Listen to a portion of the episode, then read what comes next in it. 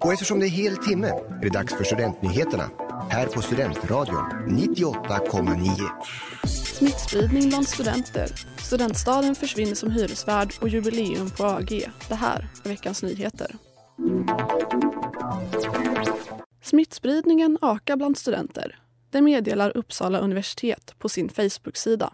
Spridningen sker när studenter sitter för nära varandra på campus och när de umgås utanför studierna. Även mutationerna sprids snabbt. Den 9 mars fick alla studenter på Uppsala universitet ett mejl från rektor Anders Hagfeldt och prorektor Koko Norén där studenterna tackas för det ansvar de hittills tagit under pandemin samtidigt som rektor och prorektor meddelar att smittskyddet nu ser en ökad smittspridning bland studenter. Studenter påminns även om rekommendationerna som gäller Samtidigt rapporterar SVT Nyheter att Rackaberget och Studentstaden nu är två av de tio områden i Uppsala län med flest coronapositiva per invånare.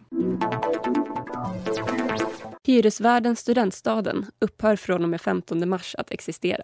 Uppsala Hem, som äger Studentstaden sedan tidigare, kommer att bli ny hyresvärd för alla företagets bostäder.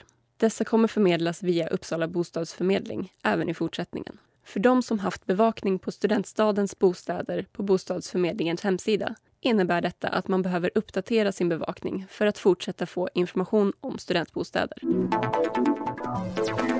År 2021 är det 375 år sedan Östgöta nation grundades. För att fira anordnas ett jubileum. Vi pratar med Lovisa Aronsson, marknadsföringsansvarig för jubileet. Planen var ju då från början att slå på riktigt stort.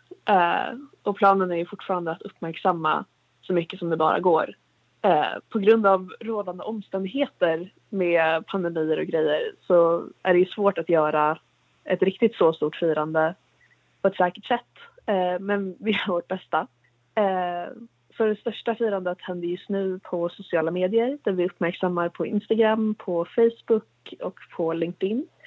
Eh, och sen är förhoppningen om det är så att eh, pandemin tillåter att ha en stor jubileumsbal på slottet eh, i november där vi verkligen firar att nationen fyller år. Eh, och I samband med jubileet så har vi även en jubileumsinsamling för att renovera vårt älskade nationshus. Nationshuset behöver lite kärlek efter ungefär 150 år Eh, in business med gasker och festligheter. Du har lyssnat på nyheterna i Studentradion 98,9 med Amanda Jansson och mig, Elvira Oberger.